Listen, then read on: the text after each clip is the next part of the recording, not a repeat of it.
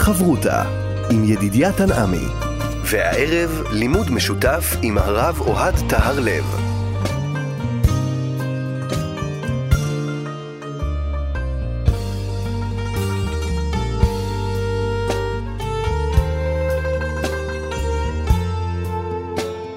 שלום כאן מורשת חברותה לימוד משותף עם רבנים ואנשי חינוך בנושא תנ"ך, הלכה ואמונה. היום אנחנו לומדים אגדה יחד עם הרב אוהד טהרלב, ראש מדרשת אות לידנברם. כאן יד המיקרופון, ידידיה תנעמי, שלום לך הרב אוהד. שלום לך ידידיה ולך ולמאזינים. אנחנו רוצים ללמוד היום אגדה שעוסקת בחוכמת חיים. כן, חוכמת חיים, דבר שמלווה אותנו יום-יום, שעה-שעה. ההגדה שלנו נמצאת במסכת עירובין, בדף נ"ג עמוד ב', כשלמעשה הכוכב הגדול שלה זה רבי יהושע בן חנניה. רבי יהושע בן חנניה היה תנא מהדור השני של התנאים. אנחנו מכירים אותו מהפולמוסים שלו, מהמחלוקות שלו עם רבן גמליאל, נשיא ישראל. זה כפה אותו לבוא במקלו ביום הכיפורים בגלל הוויכוח של הזמנים. Mm-hmm. אנחנו יודעים שרבי יהושע בן חנניה התפרנס ממכירת פחמים. איך רבן גמליאל אומר לו, ניכר אתה שפחמי אתה. והוא היה אדם uh, חריף, uh, גם כנראה היה ממנגני uh, משוררי בית המקדש. בכל מקרה היה משתתף uh, די פעיל בפולמוסים עם uh, חכמי אומות העולם, עם uh, בת הקיסר המפורסמת, uh, ועוד כאלה וכ... וכאלה. ובדרך כלל הוא היה יוצא וידוע אל העליונה בכל הוויכוחים ובכל הפאנלים שהוא היה משתתף בהם. ובאמת ככה הגמרא פותחת במסכת עירובין, אמר רבי יהושע בן חנניה, מימיי לא ניצחני אדם, חוץ מאישה, תינוק ותינוקת. זאת אומרת, הוא אומר, מעולם, מעולם, מעולם לא ניצחו אותי. תמיד ידו על העליונה. תמיד ידו על העליונה בוויכוחים, בהתפלמסות, בחריפות.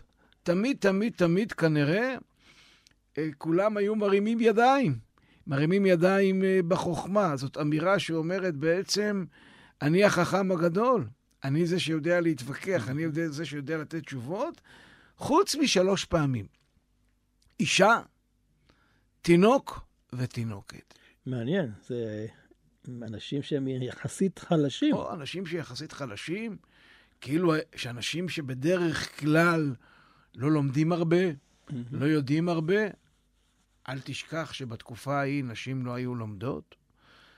תינוק ותינוקת, כנראה הכוונה לתינוקות שרק התחילו את החדר שלהם, או תינוקת בוודאי לא למדה, אבל תינוק, אין להם הרבה ידע, אין להם הרבה ניסיון חיים, אין להם הרבה חוכמה, והוא אומר, הייתי מנצח את כל החכמים הגדולים, חוץ משלושת אלה, אישה, תינוק ותינוקת. והגמרא, ההגדה, מספרת לנו מה היה בכל מקרה. אישה, מה היא? מה היה אצל האישה? פעם אחת, מספר רבי יהושע בן חנניה, נתארחתי אצל אכסניה אחת. זאת אומרת, מעין צימר כזה, יש בעלי בית, הם מארחים, יש להם חדרי אירוח, והגברת, בעלת הבית, כשהיא מכינה אוכל למשפחה, היא מכינה גם לאורחים.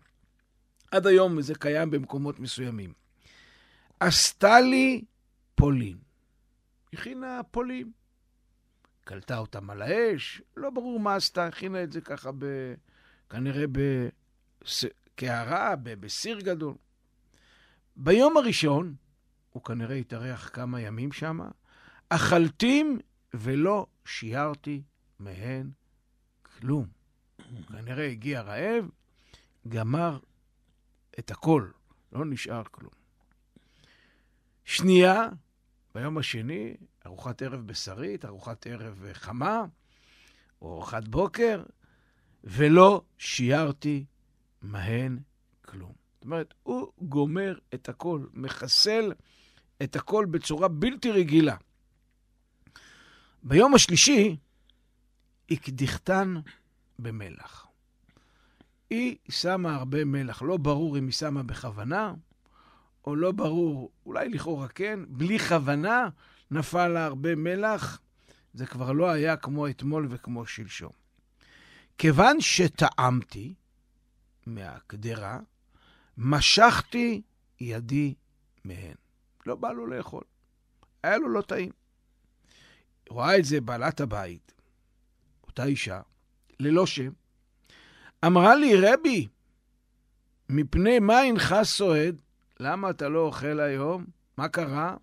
אין לך תיאבון? אותו אוכל כמו אתמול. אתמול טרפת את הכל, ליקקת את הקדרה. אמרתי לה, כבר סעדתי מבעוד יום. אכלתי קודם, סעדתי מבעוד יום, זה לא הלכתי לאכול במסעדה השכנה או בבית קפה, אכלתי סנדוויץ' קודם. אני כבר, הבטן שלי מלאה. מבעוד יום, הכוונה קודם. אמרה לי, היה לך למשוך ידיך מן הפת. מהסנדוויץ'. כן. אתה יודע שיש פה ארוחת ערב טובה. אה, אתה יודע למה אתה בא ואוכל, תשאיר קצת אה, מקום. אמרה לי, רבי, שמא לא הנחת פאה בראשונים? ולא כך אמרו חכמים, אין משיירין פאה באילפס, אבל משיירין פאה בקערה? היא אומרת לו, אתמול ושלשום חיסלת את הכל. היית צריך, להשאיר משהו גם בקערה. מילא לגמור את הסיר, אבל תמיד תמיד תשאיר קצת גם בקערה. ובזה, על זה לא היה לו תשובה. מה לענות. בצורה פשטנית, היא אומרת לו, תשאיר מקום בבטן. כן, תמיד צריך להשאיר קצת, שיהיה מקום, שיישאר עוד לעצמך, לאחרים, אולי לאחר כך, אבל לא גומרים את הכל, נתנה לו על הראש.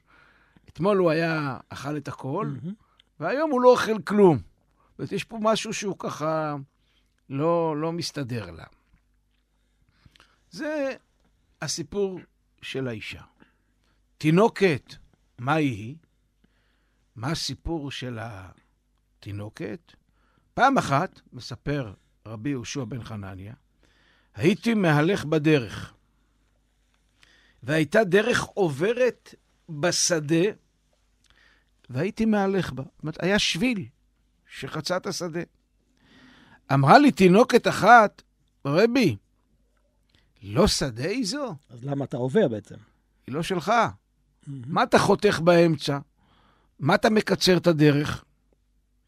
אמרתי לה, לא דרך כבושה היא? יש פה שביל. הייתי שביל, שכולם כבר הלכו, הלכתי בה. אמרה לי, ליסטים כמותך כבשו. כל אחד אמר אותו דבר. עד שנהיה שביל. עד שנהיה שביל, וכולם עוברים בחצר של השכן, או בשדה של השכן. במילים אחרות, אתה לא שונה מהראשון שכבש את הדרך, שפרץ את הדרך, שהלך בדרך לא שלו. כן. זה הסיפור התינוקת. סיפור התינוק. תינוק, מה היא? מה היה הסיפור עם התינוק? פעם אחת הייתי מהלך בדרך, וראיתי תינוק יושב על פרשת דרכים. ואמרתי לו, באיזה דרך נלך לעיר? זאת אומרת, הייתי בדרך העירה, שמתי את הוויז, והיו לי כמה מסלולים. באיזה מסלול? הייתי צריך לבחור, כן. יש מסלול שלוקח שעה, יש מסלול שלוקח שעתיים. כן, יש מסלול שלוקח 100 קילומטר, ויש מסלול שלוקח 50 קילומטר.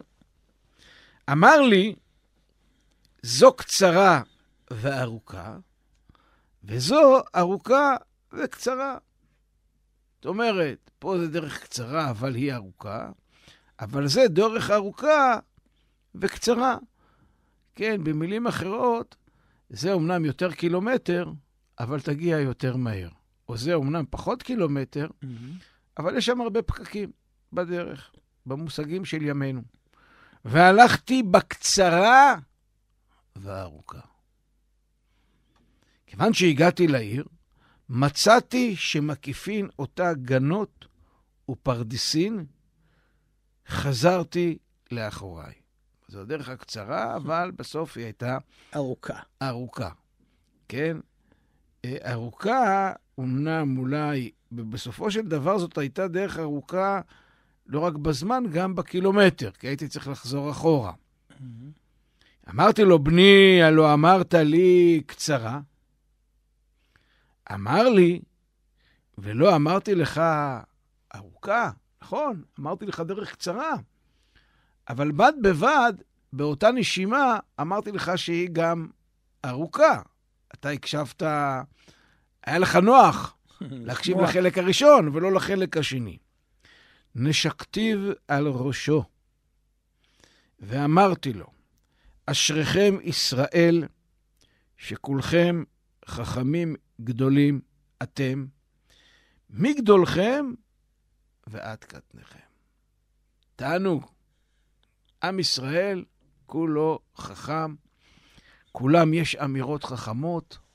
בקיצור, אלה שלושת הסיפורים, שלושת המקרים שלא הצליחו, רבי יהושע בן חנניה, לא היה לו מה להגיד, ושלושת אלה בעצם אמרו את המילה האחרונה והשאירו אותו פעור פה. לא היה לו מה להגיד להם. זה לא היה פאנל, זה לא היה התנצחות, זה היה דיון, זה היה ויכוח קטן, זה היה איזשהו דיאלוג. פה יש לנו כמה וכמה שאלות על ההגדה. שאלה ראשונה, זה מה פירוש מימיי לא ניצחני אדם? הוא כל הזמן נמצא במלחמה? או, במה הוא נלחם, רבי יהושע? למה הוא בכל הזמן חושב, וואו, כל אה, מפגש עם בן אדם, זה אומר שאני נכנס איתו למלחמות? אי אפשר לפגוש בן אדם, אי אפשר לדבר עם בן אדם, אי אפשר לדון עם בן אדם בלי התנצחות, בלי לצאת מהמם. uh, מנצח במלחמה. האם יש דיאלוג שאין בו מנצחים, שאין בו מפסידים? זה כמו שנשאל, האם יש דבר כזה מלחמה ללא ניצחון וללא הפסד? כן. מה המשמעות שמדובר דווקא בשלושת האנשים האלה? אישה, קטנה וקטן.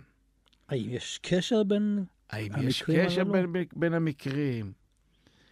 אה, מה משמעות חומרי ההגדה? תבשיל, בסיפור הראשון יש לנו תבשיל. דרך כבושה, דרך קצרה, דרך קצרה שהיא ארוכה, וכן ההפך. מה המשמעות של הדרך שנמצאת בכל חלקי הסיפור? הוא היה מהלך בדרך, נכנס לאכסניה, דרך כבושה, דרך בשדה, קצרה. כן. הדרך פה הוא מוטיב די מרכזי. האם יש משמעות לסדר שההגדה מציגה? כי היא מציגה בהתחלה את האישה, אחרי זה את התינוקת, ואחרי זה את התינוק. בעצם מבחינה כרונולוגית זה היה צריך להיות הפוך. תינוק, או תינוקת, אחד משניהם, בסוף. בסוף, אישה. בסוף אישה. אבל זה מתחיל מהצד הנשי, ואז עובר לצד הגברי, ובסדר מהגדול לקטן, ולא מהקטן לגדול. כנראה יש לזה משמעות. מה משמעות משפט הסיום של רבי יהושע בן חנניה, אשריכם ישראל שכולכם חכמים אתם מגודלכם ועד קוטניכם? למה הוא צריך אה, להגיד את המשפט הזה? וכמובן, כמובן, מה ניתן ללמוד מהאגדה הזאת אה, ל- ל- לימינו אנו? מה יש פה? מה, מה, מה, מה, מה אנחנו לוקחים מה... מה היא באה ללמד אותנו? שמה? כן. ש, שכולם חכמים? אה, למה זה מעניין אותי שרבי יהושע בן חנניה לא הצליח מול שלושתם, בסדר, אז לא הצלחת מול שלושתם. קורה. מה, אתה, אתה לא בן אדם מושלם, מה קרה? מה עומד מאחורי ההגדה הזאת?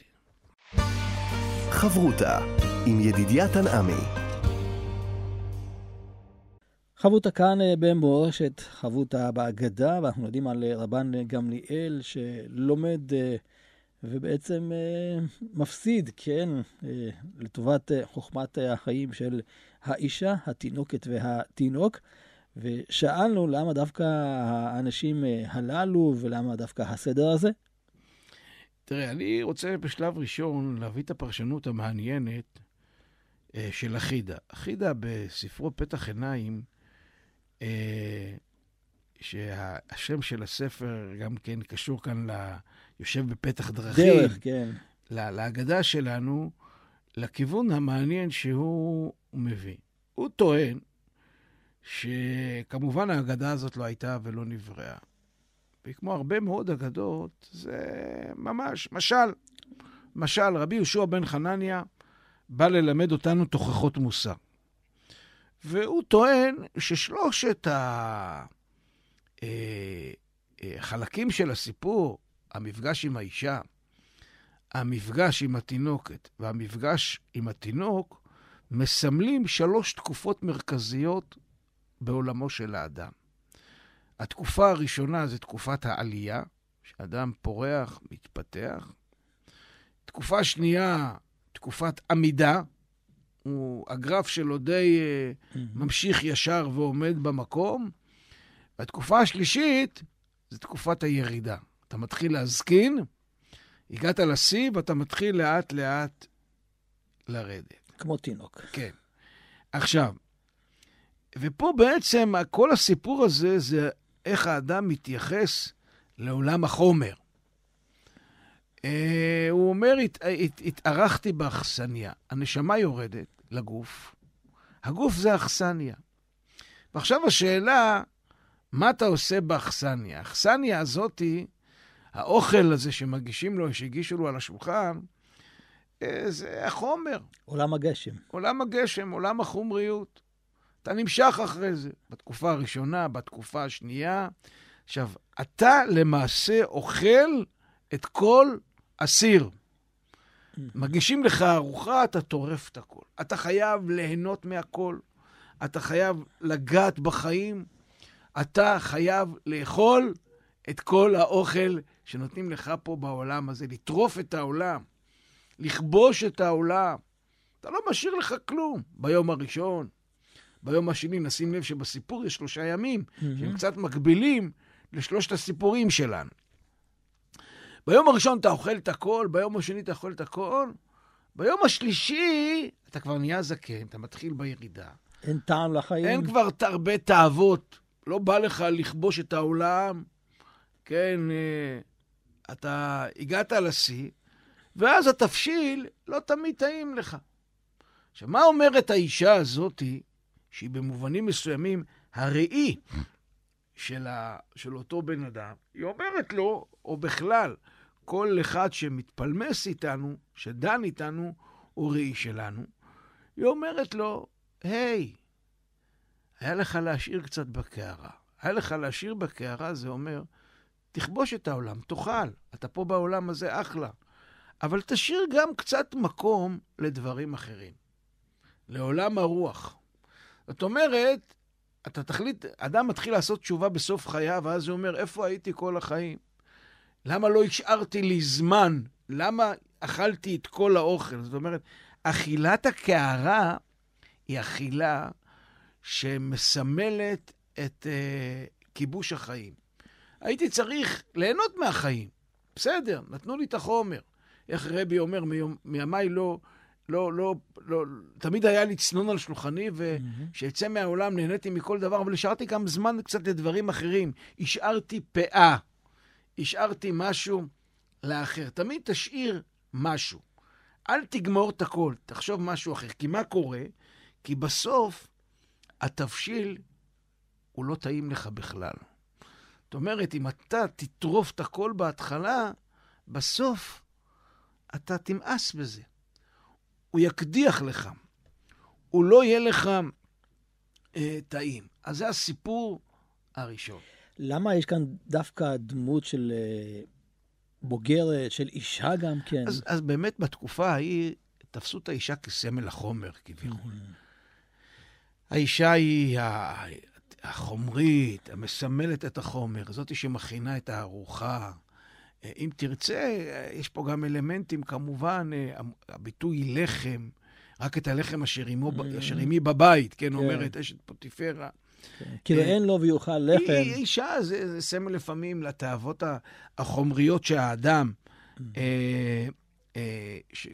ש- שהאדם רואה, והיא זאת שכאילו מספקת את הלחם, וזה גם בא לתת לנו איזושהי תפיסה על היצר המיני, אל...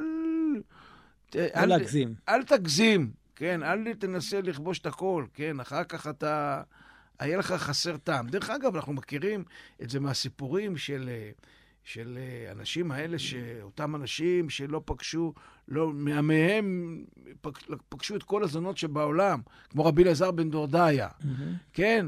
שבסוף, בסוף, הוא בעצם הבין איך הוא לא השאיר כאילו, כאילו שום דבר ב, ב, בתבשיל, ובבת אחת הוא, הוא רצה לצאת מהעולם, העולם היה לו חסר טעם. הוא חזר בתשובה, כן, אבל זה, זה, זה, אלה, אלה לא חיים אה, אה, אה, כאלה קיימים. עכשיו, הסיפור השני הוא בעצם ראי של אדם שבעצם יש לו את החיים, ואתה צריך ללכת בחיים שלך בדרך מסוימת. אל תלך, אל תכבוש את הדרך של השני. אל תהיה גזלן. ואל כן. תלך אחרי רבים להטות. אם תרצה ככה. כן, אתה, אתה, אה, תגיד, כך מנהג העולם, כך העולם נוהג, זה כן. מה שמקובל, אתה צריך את הדרך שלך. זה שכולם. נהגו, כולם חושבים ככה, זה לא אומר שזה האמת. יכול להיות שכולם כבשו דרך, והדרך הזאת היא גוזלת את עולמו של הקדוש ברוך הוא. זאת אומרת, לך יש דרך מסוימת שהיית צריך ללכת, לא להיכנס לשדה חברך ולחקות אותו, וללכת אחריו ולהגיד, אה, הוא כבר עשה לי את הדרך. אתה, יש לך שדה, אתה פוגש מישהו, אופס, תסתכל, תקשיב עליו, תעקוף. אל תיכנס למרחב שלו, כי אתה בעצם, כשאתה הולך בדרכו של מישהו אחר, אתה קצת גוזל את הדרך שלך. אתה כאילו לוקח, אתה אומר, כבר רבים כבשו הלפניי, אדרבה, אבל אתה בעצם מסתים, כי זה לא הדרך שלך. כן, זה לא אתה. איך, כמו שהרב קוק כותב על אה, חטא אדם הראשון, שהאדם הראשון אוכל מעץ הדת, הקדוש ברוך הוא אומר לו, אייכה. איפה אתה? אתה, זה שהוא אכל מהעץ, זה לא אומר שגם אתה אה, צריך אה, לאכול מהעץ. והדרך, והסיפור השלישי, טוען אחידה, זה סיפור שאדם רוצה להגיע לעיר. אה, עיר האלוקים, ללכת לגן עדן, יש לו שני דרכים. אומר התינוק, יש דרך קצרה שהיא ארוכה, ויש דרך ארוכה שהיא קצרה. אתה חושב, זבנג אחד ותגיע, ובסוף אתה מגלה שאתה נתקע באיזה חומה. או ללכת בדרך, לאט-לאט, יש תהליכים, אל תרוץ, תעשה את הדבר מהר כדי להגיע לגן עדן. בסופו של דבר תצטרך ללכת בדרך הארוכה שהיא קצרה. במילים אחרות, אם תרצה, זה אומנם מעייף, זה אומנם קשה, אבל יש לי פה דבר מאוד חשוב, ש, שזה הנושא הזה של העמל. הצדיקים, החכמים האמיתיים, יודעים שאין פטנטים, וצריך ללכת לאט-לאט, ולהתמיד, ולהשקיע, ולמסור את הנפש. וככה לאט-לאט הם מתקדמים, עד שבסוף הם יגיעו לאן שהם צריכים uh, להגיע. אין חוכמות. אל תחשוב שיהיה לך איזושהי המצאה, תעשה איזה סטארט-אפ, והופ, הגעת לגן עדן. זאת אשליה. לא תגיע כל דבר בחיים, צריך לעמול, צריך ללכת כדי להגיע לעולם הבא. דרך קצרה שהיא ארוכה, לא, לא תגיע, תיתקע ב, בחומה. אתה רוצה להגיע לעיר האלוקים, אתה רוצה להגיע לעולם הבא, אתה זקוק ללכת בדרך ארוכה שלב אחרי שלב, ככה תוכל להגיע. במילים אחרות, לפי החידה, יש לנו שלוש עצות מרכזיות איך האדם צריך להתנהל, ואני מסכם אותן.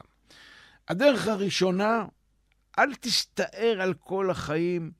תן, אתה רוצה ליהנות מהחיים, אתה רוצה לכבוש מהחיים, אתה אוהב את החומר, לך על זה. אבל תמיד, תמיד, תמיד תשאיר זמן לעולם הרוח. עכשיו, זה גם נכון במובן הפרקטי.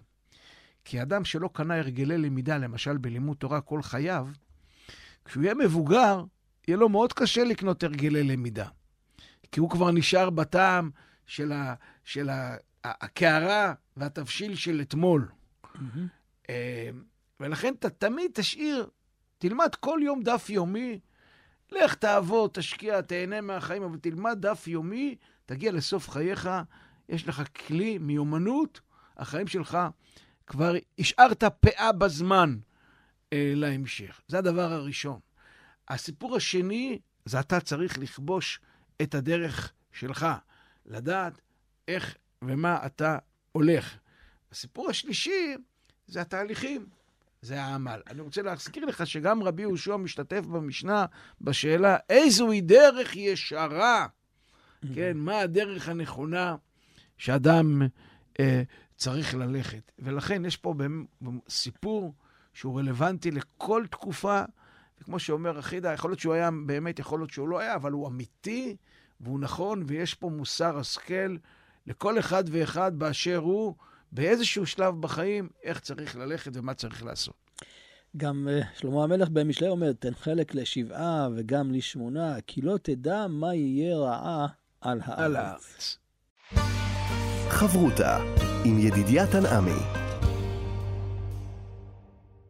חברותה כאן אה, במורשת, חברותה באגדה, חברותה שמלמדת על חוכמת החיים. רבי יהושע לומד מאנשים שהוא פוגש בדרך, וזה מעניין. כלומר, את החוכמה אפשר למצוא לא רק בבית המדרש, אלא גם בדרך, בחוץ? החוכמה אפשר למצוא אותה בכל מקום. Uh, העולם uh, נוצר על ידי החוכמה, כן? הקדוש ברוך הוא בחוכמה יסד הארץ. Uh, והשאלה הגדולה היא כמובן, מהי חוכמה? אומרים לאדם שהוא חכם. מה הכוונה שהוא חכם? מה זה ידע? מה זה חוכמה? Uh, אנחנו פוגשים את רבי יהושע בן חנניה, שהוא כל היום מתנצח, מתווכח. הוא מתנצח עם רבן גמליאל, כנראה יש שם אנרגיות שעד כדי כך שהוא כופה אותו לבוא במקלו. Uh, הרי אתה יכול להתווכח עם מישהו, אני חושב ככה, אתה חושב ככה, uh, אוקיי, נראה מה יהיה כבר. אבל פה הוא מצליח להרגיז אותו, את רבן גמליאל. כן, אתה מחר תבוא במקלך ביום, ביום הכיפורים שחל לשיטתך. עכשיו, אפשר להסביר שהיה פה איזשהו קטע שרבן גמליאל היה חייב לקפוט בשביל לפתוח דרך, ויש המון הסברים למה הוא עשה את זה. אבל אין ספק שאתה קורא את הסיפורים עליהם, אתה רואה שיש שם אנרגיות לא טובות. כן, זה לא, לא נקי, לא, לא טהור.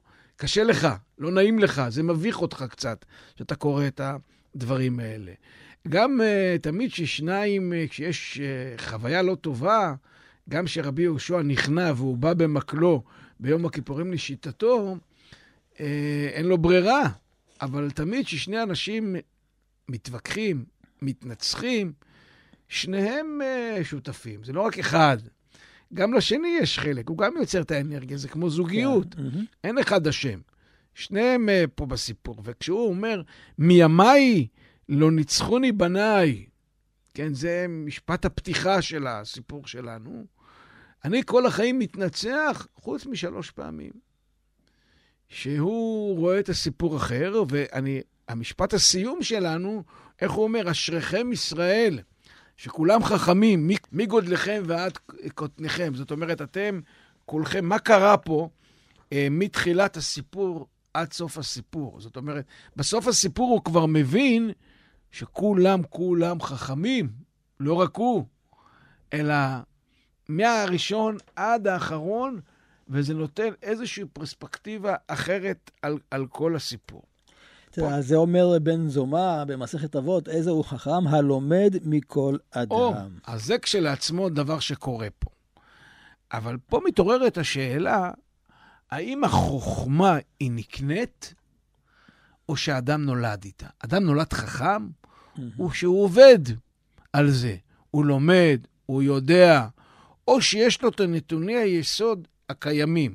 במילים אחרות, הייתה תקופה במאה ה-17 וה-18 שהיה ויכוח בין הפילוסופים, הרציונליזם והאמפרזיזם, אימפירי מלשון קולט מבחוץ, האם אדם נולד עם אחד ועוד אחד שווה שתיים, או הוא, כל, הוא נולד כדף חלק, והוא רואה בחוץ שתפוח ועוד תפוח שווה שתיים. זאת אומרת, הוא לא יכל לדעת לפני. אם הוא לא היה לוקח את הדברים מבחוץ. זאת אומרת, אתה לא, אתה לא נולד עם זה. זה לא שזה טבוע אה, כן. ממך. וזאת בעצם השאלה בין התפיסה שטענה, תלמד הרבה, תכניס הרבה ידע, תקנה את החוכמה, כן? זקן, זה קנה חוכמה, ושים לב, אין לנו פה זקנים נכון. בסיפור, מול חוכמת חיים. זאת אומרת, יש חוכמה שנקנית מתובנות של האדם את המציאות. יש חוכמה שנקנית מהחיים, ויש חוכמה שנקנית מהספרים, בכוח האינטלקט.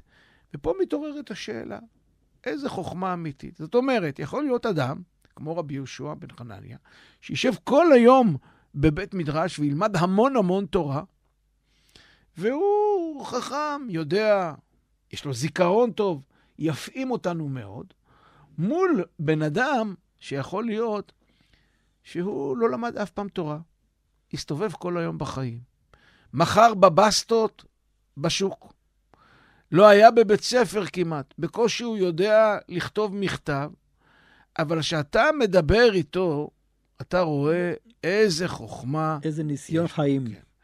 זה כמו לפגוש אישה זקנה, את הסבתות שלנו, mm-hmm. שלא למדו הרבה, אבל יש להם חוכמה מאוד גדולה כשאתה יושב איתם במטבח. חוכמת חיים מאוד מאוד גדולה שנקנתה במפגש עם החיים. ובוא נגיד ככה, אין חכם כבעל ניסיון. עברת משהו, כן. התנסית, אתה רואה, מול חוכמה אינטואיטיבית. זאת אומרת, יש לי חוכמה שאני מרגיש אותה, אה, שאני מנצל אותה. למשל, חז"ל אמרו על שלמה המלך שהוא היה חכם... מכל אדם. מכל אדם. מה המשמעות? האם שלמה המלך יכל להמציא את הווייז? האם שלמה המלך יכל להמציא את עולם הטכנולוגיה? הרי ברור שלא, כי העולם היה צריך לעבור משהו.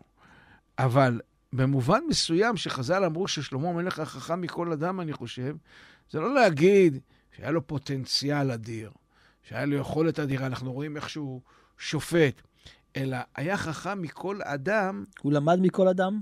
כלומר, לא יותר מכל אדם, אלא מהאדם. מכל אדם הוא למד משהו. זה דבר, הסבר ראשון. והסבר שני שאני רוצה לתת, שלמה המלך היה חכם מכל האדם, האדם אה, הראשון. וואו. מה היה מיוחד באדם הראשון? איזה חוכמה הייתה מהאדם הראשון? האדם הראשון הוא אדם שקרא לחיות בשמות שלהם. שזאת הייתה חוכמה. היכולת לקרוא בשם של משהו. מה זאת אומרת? היכולת שלי להבין מה יש לי פה, מה המהות שלו, ולתת לזה הגדרה, המשגה. זה חתול, זה כלב, זה אריה. ופה אנחנו מגיעים למושג של החוכמה, שאנחנו מכירים אותו בהקשר אחר, בבניית המשכן. קוראים לבצלאל ולאלה השותפים בבניית המשכן, שהם היו חכמי לב. Mm-hmm. מה זה חכם לב? כן, מה, מה זה החכם חכם לב? חכם לב זה הכוח של החוכמה שהיא מחוברת ללב. זה כוח היצירה. כשאדם יש לו יכולת, יצירה, הידיים שלו נאמנות לראשו וליבו, והנה הוא מצליח לייצר פה משהו חדש. חכם לב, לפי התורה, מדבר על הכוח החיבור לחיים. כשאתה מחובר לחיים, כשאתה מחובר לעולם, אתה מסוגל גם אה, אה, אה, ליצור, לעשות דברים חדשים. חכמי לב הם האומנים. הם האנשים שמחוברים לחיים, אבל לא רק זה, יש להם את הכישרונות לקחת את התחושות, את החוויות שהם מרגישים במפגש עם החיים, ולייצר פה משהו חדש. זה כמו שאני אומר, והחוכמה מאין תימצא. כמו שאמרו המקובלים, החוכמה מאיפה היא תימצא? מהעין, מהחיבור לקדוש ברוך הוא. כשאני פוגש את האלוקות בחיים, ביום-יום, במה שקורה, אני נהיה חכם. או כמו שאמרת מקודם, איזה הוא חכם? הלומד מכל אדם. אני בכל אדם ואדם, בכל משפט ומשפט שהוא אומר, אני שומע משהו אלוקי. אני רואה את הקדוש ברוך הוא. אני רואה המון המון דברים מיוחדים. ובואו נחזור עכשיו לסיפור שלנו. הסיפור שלנו עוסק באישה, תינוקת ותינוק. מה מאפיין את שלושתם? שאין לרבי יהושע בן חנניה. המאפיין את שלושת האנשים האלה, ששלושת האנשים האלה מחוברים לחיים. לא משנה מה הגיל שלהם, כן?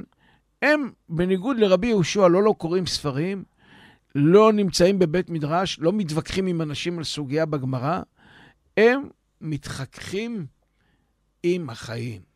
הם יכולים לתת לך תובנות שאף אחד אחר לא יכול לתת לך. נקרא לזה אנשי השטח? אני לא יודע אם הביטוי אנשי השטח הוא הביטוי היחיד, אנשי החיים.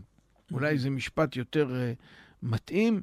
הם מחוברים לחיים. עכשיו, לא רק זה, יש, יש uh, אישה מאוד מחוברת לחיים אז, היא הייתה עובדת, היא הייתה עוסקת, היה לה תובנה של החיים, כל מה שתאמר לך, שרה, אשתך, שמע בקולה, כן, היא, יש לה עצות טובות, אבל תינוק ותינוקת רק התחילו את החיים, הרי אין להם הרבה ניסיון. אבל יש להם איזשהו חיבור ישיר לחיים. אף אחד לא קלקל להם את התובנות. משהו טבעי. טבעית, הבסיסי, המאוד מאוד uh, יסודי. והם אלה שמלמדים את uh, רבי יהושע. זאת אומרת, רבי יהושע פותח את ההגדה שלנו בתובנה שחוכמה זה אולי משהו אינטלקטואלי, זה משהו שאני צריך להתנצח איתו, mm-hmm. זה משהו שאני, בואו נראה מי יותר חכם, ומי מי, מי יש לו ממוצע בבגרות יותר גדול, ובסופו של דבר, אחרי הסיפור, הוא מגיע למסקנה שהוא מנשק על הראש את, את, את התינוק הזה, שהוא ביטוי אה, מסוים, והוא אומר, אשריכם ישראל, שכולכם חכמים גדולים. עכשיו, תראה, זה לא סתם שהוא מנשק את הראש. הראש הוא כאילו סמל החוכמה. והוא אומר, אתם כולכם חכמים, מהגדול ועד הקטן, ובואו נחזור שנייה לסדר. התחלנו באישה, עברנו לתינוקת ובסוף לתינוק. זאת אומרת, מי עושה לו את זה? מי נותן לו את התובנה? לא האישה עם הניסיון חיים, אה, שפוגשת הרבה אורחים ומארחת הרבה, אה, לא התינוקת שיש לה איזה משפט להגיד, אתה ליסטים אתה, אלא אותו תינוק בסוף, הצעיר ביותר, שאומר לך בסוף, ידידי היקר, אתה חושב שאם תשב ותלמד בבית מדרש, אתה אה, תעשה איזשהו זבנג ותגיע, אתה צריך ללכת בדרך לאט-לאט, גם אם היא דרך ארוכה וגם אם היא קשה. רק ככה תוכל להגיע, אתה צריך לעבור תהליכים, שהתהליכים האלה קיימים בכל מקום, אבל בעיקר, בעיקר בחיים עצמם. אולי התינוק הזה זה מראה לרבי יהושע, שהוא בעצמו עכשיו חוזר לימים שהוא היה תינוק, לדרך הקצרה והארוכה, הארוכה והקצרה שלו? תראה, אתה אומר פה דבר מאוד מעניין, כי חז"ל מספרים שאימא שלו לקחה אותו לבית מדרש. Mm, נכון, כשהוא היה בהריסה. כשהוא היה בהריסה, ולכאורה אנחנו בדרך כלל אומרים, וואו, הוא ינק מבית המדרש, mm-hmm. אבל הוא אולי מערער פה את השאלה ואומר, רגע, רגע, רגע, גם לשחק בחוץ. זה לא פחות חשוב ולא פחות יתרום לי אה, לחוכמה שלי של בית המדרש. זאת אומרת, הילד שמשחק בחוץ, הוא קונה כזאת חוכמה, שוודאי עוזרת לו אחרי זה בבית מדרש לקלוט דברים, ואולי אני כאילו פספסתי פה משהו בחוכמה אה, שקשורה אה, לחיים. מה זה מלמד אותנו לימינו? מה שזה מלמד אותנו לימינו, זה, תראה, המציא... קורים לנו דברים, אנחנו חיים בתקופה סוערת מאוד. קורים דברים קשים. קרה משהו אה, ב- ב- בשמחת תורה, אבל לא רק בשמחת תורה. החיים פתאום נותנים לנו מכה. אתה שואל את עצמך, האם למדת משהו? אנשים היו בקונספציות, חשבו שהם ייתנו לאויבים כסף והכל יהיה שקט, והנה הכל הכל מתפרק. מתנפץ. עכשיו אתה יכול להמשיך ללכת באותו דרך, באותו שדה, לכבוש דרך שכבשו אחרים. הכי קל, לצעוק את אותן צעקות. כל ללכת אחד... בדרך הקצרה, שהיא ללכת- ארוכה. כן, כל אחד, אתה יודע, מתבצר בדרך שלו. מהמם. בעצם, האם באמת השתנינו? האם אנחנו באמת מוכנים להסתכל פה אחרת? עכשיו, תראה, אנחנו כולנו חכמים, אמרנו לכם. מהמם. אני אומר את זה, אם היינו ב, אה, בגוש קטיף זה לא היה קורה, למדנו משהו. בוא, כולנו ניקח צניעות, כולנו נתבונן עוד פעם. עכשיו צריך למצוא דרך חדשה, שהיא לא הייתה קודם. לא מימין ולא משמאל. לא אצל החרדים ולא אצל החילונים. לא אצל אף אחד. אין. דרך חדשה. אתה מגיע, הגעת לקיר. חשבת ללכת בדרך הקצרה, היית בטוח שאתה צודק, אופס, החיים אומרים לך, בוא תתחבר לחיים, בוא תראה. צריך סבלנות. אין זבנג וגמרנו. לוקח זמן, יש תהליכים בחיים. כדי להגיע לגן עדן, דרושה הרבה סבלנות, דרושה דרך ארוכה, דרושה דרך ארוכה שהיא קצרה, אבל לא דרך קצרה שהיא ארוכה.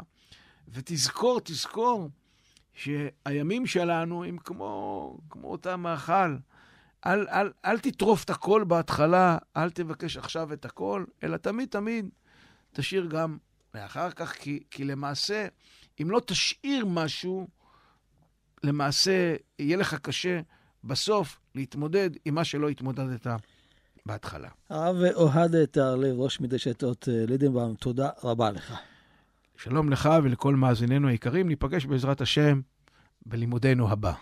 לכן, כאן ידידיה תנעמי, נשוב וניפגש בחברותה הבאה. חברותה עם ידידיה תנעמי.